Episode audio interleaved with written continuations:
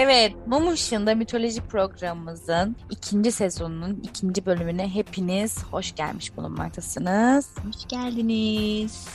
Evet, bu hafta güzel bir haftaydı. Geçen hafta ilk bölümümüzü yayınladık ve güzel tepkiler aldık. Dolayısıyla bu da bizi çok ledi. Sen neler düşünüyorsun Elif'ciğim? Evet zaten bu şeyi de çok özlemişim yani. Kaydetmek zaten güzel bir his. Bir şeyleri böyle paylaştığımı hissetmek ya da böyle bir şeyler ürettiğimizi hissetmek çok güzel. Ama geri dönüş almanın verdiği o güzel hissi böyle bir unutur Evet. gibi olmuş mu? Yani şu an hissettiğim için tekrar çok yani öyle bir mutlu hissediyorum. Ya ah, ne olur mu öyle şey canım falan diye öyle tepkiler veriyor Sevindirik. olabilir. Mütevazi davranıyor olabiliriz ama gerçekten siz böyle tepkiler verince aslında çok seviniyoruz. Teşekkür ederiz. Evet, kesinlikle katılıyorum. Ben de çok e, iyi hissettim. Gerçekten güzel geri dönüşler aldığımız için. Sevindirik olduk yani. İnşallah böyle devam eder. Geçen hafta Türk mitolojisinden hayat ağacını anlatmıştık. Bu hafta da Mısır mitolojisini anlatacağız. Aslında ya şunu fark ediyorsun. Muhtemelen sen de çok fark etmişsindir. Bir konuyu araştırırken o konuyu araştırıyoruz ve karşımıza o konuyla ilgili istemsizce zibilyon tane şey çıkıyor. Ya bu da herhalde algıda seçicilik mi oluyor? Ne oluyor? Kesinlikle bilmiyorum ama mesela bu hafta sadece hayat ağacı ile ilgili bir sürü şey önüme düştü. Galiba hani ilgi alanlarımızdan dolayı böyle bir filtreleme oluyor yani. Enerjiyle ilgili bir şey galiba da çok bilmiyorum. Ama bana bu hafta hep böyle şeyler oldu. Zaten hep birbirimize de paylaştık. O yüzden güzel bir yolda olduğumuzun bir mesajı olduğunu düşünüyorum bunun. Aynen. Enerji de olabilir, algoritma da olabilir. Tabii onları da bilemiyoruz. Hani bazen enerji sanıyoruz ama Instagram algoritması falan da bir Doğru çeşit enerji. yani Instagram'dan da çok Instagram'dan gelmedi bana ya. Daha çok öyle hani nasıl desem atıyorum böyle organik bir şekilde girip bir araştırma yaparken bir anda bir video görüyorum mesela ya da işte ya evet ya Evet. algoritma da olabilir ya. Niye hiç böyle düşünmedim? Belki. Ben galiba bir şeylere Ama- böyle spiritüel anlamlar yüklemeyi çok seviyorum. Böyle oldu biliyor musun? Ama bak dediğin doğru da olabilir çünkü ben de Twitter'da bu konuyla alakalı yazan insanlara rastladım. Hani daha önce de yazıyor Evet. olabilirlerdi belki ama bu Görmemişsin kadar çok fark yani. etmiyordum belki. Aynen bu da algoritma değildir herhalde. Adam yeni yazmış yani. Bu Yani. da ben yaptığım bir şey değil yani. Adama yaz dememişler. Neyse biz yine de e, şey düşündüğümüz gibi inanmaya devam edelim. evet bu hafta Mısır mitolojisinden bir ağaç anlatacağız. Elif'cim söz sende. Şimdi Mısır mitolojisinde beni en çok zorlayan şey şu oldu ki Mısır mitolojisindeki tanrıların işleyiş biçimi birazcık farklı. Yani şimdi Türk mitolojisinde dediğimizde geçen hafta demişti ki bir varlık karşıtıyla beraber var oluyor. Yani eğer hani bir gökyüzünü temsil eden bir şey varsa yeryüzünü ya da yer altını temsil eden de bir şey var. Ya da bir şeyin iyisi varsa kötüsüyle beraber var oluyor gibi. Yunan mitolojisinde daha çok böyle biçimsel tanrılar var. Daha insanvari tanrılar bunlar. İnsanların da arasında var olan falan ama Mısır mitolojisinde beni zorlayan şey tanrıların daha çok materyalist değil, daha çok ruhlarının olması. Yani araştırırken hani kimin kim olduğunu anlamak şu yüzden zor. Çünkü bir tanrı insan bedenine girdiğinde o insan öldükten sonra başka bir insan bedenine tekrar giriyor. Yani bazı kaynaklarda belki görmüşsünüzdür. Hani Isis ve Osiris hem Evet. Koca hem de kardeş olarak gözüküyor.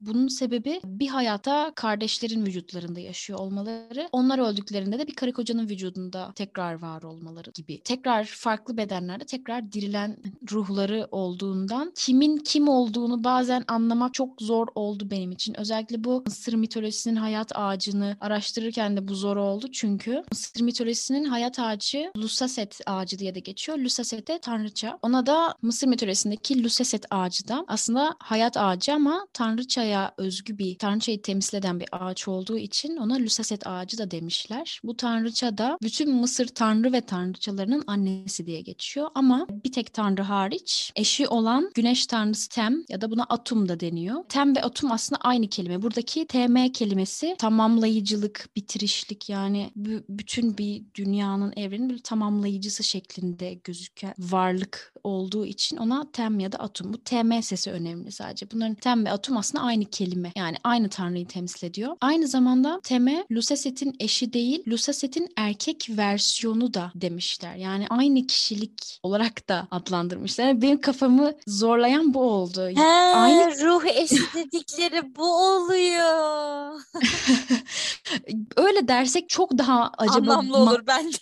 Aynen mantığımıza oturur mu? Çünkü yani baktığım kaynaklarda birinde eşi diyor, birinde kendinin erkek versiyonu diyor. Çocuklarından bahsederken çocuklarını Atom'un Tem'in kendisinin var ettiği düşünülüyor. Bazılarında Lusaset'le beraber yaptıkları düşünülüyor falan derken Lusaset'le Atom aynı kişi mi değil mi? Burada böyle bir prestij izlediniz mi arkadaşlar? Ama onunla alakalı öyle bir şey yaşadım ya da Mr. Nobody ya da bir insanın farklı e, rollerde oynayıp aynı kişiyi canlandırdı. Ha Fight Club biraz spoiler oldu. Bu tarz bir şey yaşadım. Hani hep aynı kişiler miydi yoksa yoksa iki tane kişi mi var burada? Ne kim hangisi hangisini yapmış falan gibi bir şeye düştüm. Ama bu Lusaset'le Tem'in görevleri çok çok farklı tabii ki. Yani nasıl oluyor çok anlamadım ama buna da bence ileriki bölümlerimizde başka serilerimizde kesinlikle dönmemiz gerekiyor. Mısır mitolojisini bir derinlemesine girmemiz gerektiğini hissettim. Lusaset'e en önce gelen yüce kişilik diye de anıldığı olmuş Lusaset'in. Bunun sebebine de geleceğiz. Bunun eşi olan Tem, bu da tanrıların tanrısı şeklinde bir tanrı ve güneş tanrısı. Güneş Mısır mitolojisinde çok önemli. Birçoğumuz belki güneş tanrısı olarak Ra'yı biliyoruz ama Ra ile Tem'i ayıran bir çizgi var.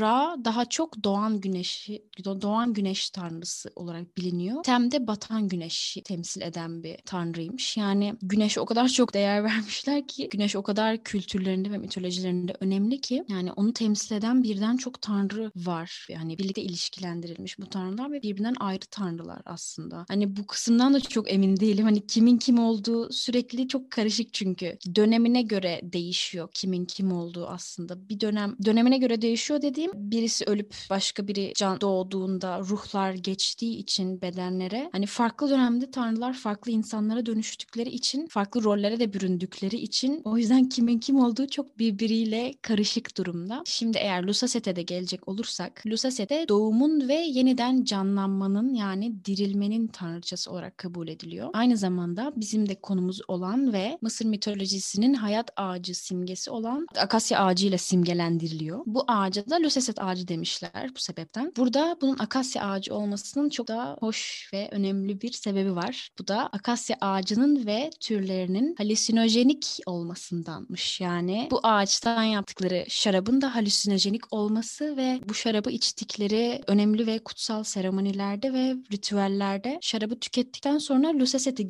gördüklerinden dolayı ona demişler ki en önce gelen yüce kişilik. Yani biraz da saykadelik olmasından dolayı bu ağacın şarabını kutsal saymışlar. Yani böyle bir özelliği var akasya ağacının öneminin yani hayat ağacı olarak görmelerinin. Çünkü şarap içtiklerinde Lusaset'i görüyorlarmış. Yani bunu çok kutsal. Ben olsam ben de adlandırırdım yani çok kutsal olduğunu düşünürdüm bunun. Yani hiç halüsinasyon ya bunlar bu gerçek değildir falan diye düşünmezdim yani. Hayat ağacı aslında genel olarak bu tarz bir tablo çiziyor bize. Şu anda da bu akasya ağacının yani bu Lusaset ağacının ya da hayat ağacının önceden bu akasya ağacının eski Mısır'ın da başkentliğini yapmış olan en eski şehirlerinden biri olan Heliopolis'in bahçelerinde olduğu yani orada konumlandırıldığı bu özel hayat ağacının orada konumlandırıldığı düşünülüyormuş. Ama şu anda herhalde öyle bir ağaç yok ama öncesinde böyle bir ağaç orada varmış. Yani hayat ağacı olmasının ağacı kutsallaştırmalarının bu ağaçtan yapılan içecekle beraber Tanrı'yı görmelerinden dolayı olması bence çok mantıklı. Ne düşünüyorsun sence sen Betül'cüm? Aslında şöyle bence bütün mitolojiler ve aslında hani geçen hafta da bahsettik örnek vermek gerekirse şaman geleneğinde de ağaçların çok çok çok ciddi bir önemi var ve genelde baktığımız zaman yani şu an iki tane ağaca baktık ama ben çok eminim diğer ağaçlarda da bunu göreceğimizden ağaçlar insan ve tanrı arasında çok güçlü bir araç olarak kullanılıyor. Dolayısıyla birileri bir şeyler dileyeceği zaman veya birileri doğacağı zaman, birileri öldüğü zaman mutlaka ağacın etrafında toplanma, bu ağacın hani herhangi bir kutsal sayılan ağacın etrafında ayin yapma gibi ritüeller olduğunu görüyoruz ve bunun da hafife alınmayacak bir şey olduğunu düşünüyorum ben kesinlikle. Özellikle akasya ağaçlarından oluşuyor olması da bence hani ayrıca böyle incelenmesi gereken bir şey. Çünkü mesela hani sen de bahsettin o halüs halüsinojenik bir şarap yapmak için kullanıyor olmaları yani aslında şey şöyle söyleyeyim yani bence ben bunu araştırırken şey diye düşündüm. Biyolojik durum var ağacın içinde ve hani mesela bunu nasıl fark ettiniz? Yani bu da çok büyük bir soru işareti. Bu şarabı yapmak için kullanmak veya o ağaçla arada bir enerji kurmak yani bunlar çok bence gerçekten doğaüstü olaylar ve hani bunun mitoloji olarak kaldığına inanmıyorum ben. Bunlar çünkü hala çoğu bir ritüel olarak devam ettirilen şeyler ve kesinlikle çok ciddi enerjileri olduğunu düşünüyorum. Onun dışında da bu ağaçların genel olarak işte akasya ağacı da başta olmak üzere dünya ve gökyüzü arasında bir köprü olarak kullanıldığını görüyoruz. Yani o yüzden hafife alınacak şeyler değil kesinlikle. Bir de ben şey düşündüm. Bu Luceset ağacının doğurganlığı da birazcık yani o tanrıçadan gelen bir sanırım özellik. Bu doğurganlığı temsil ediyor olması işte bu soyların devam ettiriyor on soy devam ettirebilmek için önemli bir şey kavram olması da aslında şey düşündürdü bana. Geçen hafta da bunu konuştuk seninle. Yani her mitolojide atıyorum X kişisi Yunan mitolojisinde X iken işte Türk mitolojisinde Y, Mısır mitolojisinde Z ve hani hepsinin özellikleri aslında aynı. Ben bu hafta da yine bunu araştırırken şey düşündüm. Geçen hafta seninle konuştuğumuz gibi. Yani hani bunların arasında nasıl bir etkileşim oldu da hepsi aynı şeye aynı anlam yükledi, farklı isimler verdi. Ya bu da bence çok aydınlatılması gereken bir nokta diye düşünüyorum. Ama bence bizim bu 12 ağaç boyunca göreceğimiz en temel şeyin kesinlikle ve kesinlikle ağaçların işte tanrı olan, yüce olan, kudretli olanla kişi arasında çok ciddi bir köprü oluşu olduğu, olacağını göreceğimizi düşünüyorum. Yani kesinlikle buna inanıyorum. Bu iki mitolojide sadece bunu görmek için yeterliydi. Bir de mesela şey ya fark ettim ben mesela bu e, ağaçlar aslında biz hani sadece bunu mesela mitolojik kısmını falan inceliyoruz ama şey geldi aklıma mesela Avatar'da da yani çok büyük bir Hollywood işiydi kesinlikle. Ve orada da mesela bunu araştırırken oradaki o tuba ağacıydı galiba. Hani işte böyle mesela kökleri yukarıda olan, yaprakları yerin altında olan bir Eyvah. ağaç vardı ya. Avatar'daki Eyva. İşte ona tuğba ağacı deniyor diye biliyorum. Ve hani mesela o şöyle yani tuğba ağacı da aynı o ağaç gibi. Hı, evet Ee, evet. Hani da- kökleri yukarıda, dalları aşağıda mesela. Aynen. Evet evet ben de hatırlıyorum. Ha, o yüzden yani mesela sadece mitolojiyle kalmıyor iş yani kesinlikle. Zaten o da çok ciddi bir derlemeydi aslında. Bir derleme filmdi yani. Hani hatta işte yani çok iddia olarak kalmış olsa da hani kutsal kitaplardan da ayetlerden faydalanıldığını biliyoruz mesela o filmle ilgili. O yüzden kesinlikle aralarında çok ciddi bir bir bağ var. Ama sanırım biz bunu çözmek için yeterli bir bilgiye sahip değiliz. Evet yani Bunu çünkü görmek de diğer çok üzüyor yani. Evet. Diğer mitolojiler için çünkü diyebiliyorduk ki tamam aynı gökyüzüne bakmışlar ama aynı yeryüzüne bakmamışlar. İşte bunu nasıl birbirleriyle Hı, ilişkilendirmişler. Aynen. Kesinlikle. Ya dedik ya hani işte gö- ağaçlar ya gökyüzünün yıldızları tamam. Şimdi peki aynı coğrafyada Okey, değilsin aynen. kesinlikle. Aynı coğrafyalar değil. Ee, ne oldu mesela ya da mesela aynı mevsimler değil. Yani bu, bu doğa olayları da aslında o güç dengelerini çok değiştiriyor. Yani nasıl bir şey vardı? Yani düşün düşün çıkamıyorsun içinden. Gerçekten çıkamıyorsun işin içinden yani. Bir Bu şey arada o şarap var ya hani e, akasya ağacının etrafında da içilen. Ona da yır diye bir şey diyorlarmış. Evet ben onun nasıl tam okunacağını Yani bilmediğimden böyle onu çok eklemek istemedim. ünlem ifade gibi yırıp diye bir şey. Ben, Tamamen hani- sessiz harflerden oluşuyor. Ya bu, bak Mısır mitolojisinde o da beni birazcık sinirlendirdi. Yani biraz dedim ki biraz isim olarak üç, üç kelimeli pardon üç harfli kelimeleri Ve çok hepsi sessiz harf. Ve yani kaynak Evet. çok az ya. Acayip az kaynak var yani. Evet aslında daha fazla olması gerekiyor Mısır mitolojisi gayet de. Evet. Biz Yani bulamıyoruz galiba. duyulan. Belki de evet yani bu internet çağında yani bulamıyoruz ama bilmiyorum yani bu yabancı kaynaklardan çok arıyoruz ama gerçekten bunu buna bakarken de Türkçe kaynakların ne kadar yetersiz olduğunu da görüyoruz arkadaşlar maalesef ki. Sen Avatar dedin Avatar'daki ağaç. Aynı zamanda Fountain diye de bir film var. Onu da arkadaşlar çok öneririm. Çok mistik bir film bu arada. Onda da çok önemli bir ağaç var. O da hayat ağacı ve hani filmi izledikten sonra o ağacın bir şeyleri temsil ettiğini anlıyorsunuz. Ama filmde filmin tam olarak ne olduğunu anlamıyorsunuz. Onu baştan söyleyeyim. Ama filmi kendi yorumlamanıza göre çok farklı şekilde yorumlayabilirsiniz. Yani film biraz tamamen izleyiciye bırakılmış bir film. Bir şey anlatıyor ama Ne anladın yönetmen tamamen sana bağlı. Evet, bu biraz kişiden kişiye göre değişiyor. Ben böyle filmleri daha çok seviyorum aslında Onu ama diyecektim aynen. Yani evet. daha iyi Çünkü- bence. Aynen yani kendi hayal gücümde ve kendi yorumlamamla ulaştığımda sonuca kendimi daha aydınlanmış hissediyorum böyle filmlerde. Aa falan gerçekten böyle falan diye hakkında yazıları da okudukça bir şeyler araştırdıkça ama bu Fountain filmini gerçekten öneriyorum bu ağaç konusunda ve Tülcüm sana da öneriyorum kesinlikle izlemen gerekiyor. Benim Kesinlikle izleyeceğim. İzledi- izlediğim en güzel filmlerden biri ve bu yeniden yeniden canlanış, yeniden varoluş, bir ağacın her şeyin temeli olması hepsini bu filmde yorumlamalarınla bulabilirsin gerçekten. Öyle bir, Bir yeniden doğuşa bağlantı. ihtiyacımız var zaten. Ölümsüzlük. Evet bu tarz şeylerin hepsi bu filmde var gerçekten. Çok temsili ve bunları çok da güzel temsil ederek anlattığını düşünüyorum yani. Bunu kesinlikle ne kadar hype'ladıysam da beklentilerinizi ne kadar yükseltirseniz de boşa çıkmayacaktır arkadaşlar. Sizlere de öneriyorum. Fountain. İzleyelim. İzleyen takipçilerimiz olursa dinleyicilerimiz bize mutlaka ulaşsınlar. Üzerine Aynen. biraz mülahaza yapalım. Evet, yani özetle çok isterim.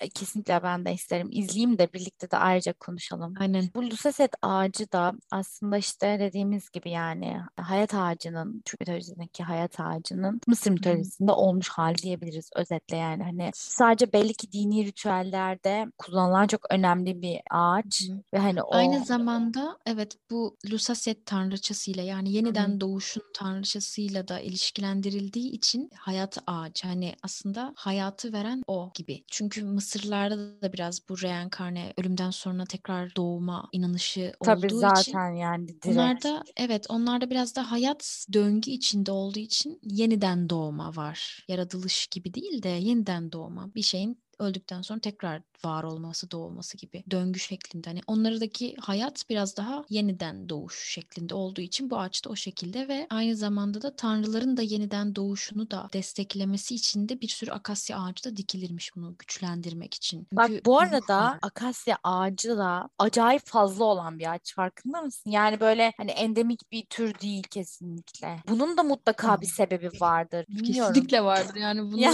bakalım arkadaşlar buna da bir bakalım. Buradan girersek çıkamayacağız. Her şey birbirine Hocam buraya böyle da bir not alabilir miyiz? her şey birbirine gördüğünüz gibi bağlı arkadaşlar. Biz buraya girersek çıkamıyoruz yani. Nereden nereye geliyor konu? Hani her seferinde de böyle oluyor gerçekten. Gördüğüm şeylerin bağlantısı beni bile şaşırtıyor yani. Çok anlatırken de çok şaşkın ve heyecanlı anlattığım için bazen de hani bir de çok fazla birbiriyle bağlantılı nokta bulduğum için nereden oraya bağlasam, buradan buraya bağlasam gibi bazen bir karışıklık oluyor ama Bak insanlar. Aynen böyle kafayı kırıyorlar işte bak. Nasıl Çok diye haklı. sorarsa biri aynen böyle delirdim diyeceğiz tamam mı? aynen Biz öyle. böyle deliriz tertemiz. Yani güzel ya güzel bir ağaç. Bakalım haftaya neler olacak? Arkası yarın kesinlikle. Yani ben e, çok zevk alıyorum ya. Bilmiyorum. Düşün çok yoruluyoruz ama değiyor diye düşünüyorum ya. Aynen öyle. Gerçekten öyle. O zaman bu hafta Lüseset ağacımızı anlattık. Bir sürü film önerisinde bulunduk. Keyifli bir İzlemeden sohbet.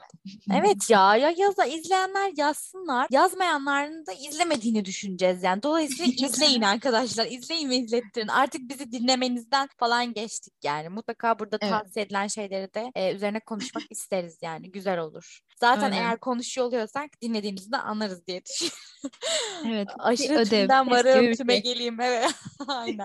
Evet küçük Gördüğünüz bir her şey bağlantılı. Aynen. Her şey bağlantılı. Bir Bir de döngü. kesinlikle bu hafta şey yapacağım ya. Kesinlikle bu bölümden sonra e, karşıma çıkan mesajları yani gün içerisinde neler yaşıyorsam hissiyat olarak falan onları bir takip edeceğim ya. Bakalım beni nereye götürüyor. Belki bizim de böyle aslında spiritüel bir görevimiz vardır. Onu da böyle bu şekilde tamamlıyoruzdur falan. Hani bilmiyorum böyle bir kendime böyle bir anlam yüklemek istiyorum hafta. Böyle şeyler yapacağım. Haftaya eğer karşıma bir şey çıkarsa anlatacağım burada. Hadi bakalım arkadaşlar hep birlikte enerjilerimizi gönderiyoruz Betül'e ve haftaya dinlemek üzere bir Evet, hikaye göğe bekliyoruz. deyip geliyormuş. Tövbe estağfurullah. Kısmet tabii. Bensiz kalmanı hiç istemem. buradaki her şey aynen buradaki her şey kısmet. Allah korusun. Çok da kötü bir şey gelmesin çağırırken başına. Evet, güzel bir bölümdü tekrardan. Bakalım haftaya siz- neler olacak. Bakalım yeni bir ağacımızla haftaya tekrar sizlerle olacağız. Bunun garantisini verebiliriz ama ne şekilde? Yani belki, belki de Betül'ün bize güzel bir Sürpriz hikayesi olabilir. sürpriz olur yani. Tamam ya Bir bundan ağaç- sonra böyle yapacağım. Sürprize emin değiliz. Bakalım. Şey yapıyorum. Ağacın tepesinde asılı kalıyormuşum falan. Gelin beni buradan kurtarın. Ay Elif ben gece gece tövbe estağfurullah. Evet sayın dinleyiciler. Kendinize çok iyi bakın. Güzel bir bölüm diye düşünüyorum. Umarım çok beğenirsiniz. Yeni bölümümüzde görüşmek üzere. Hepinizi Selamlıyoruz. aynen. Hoşçakalın.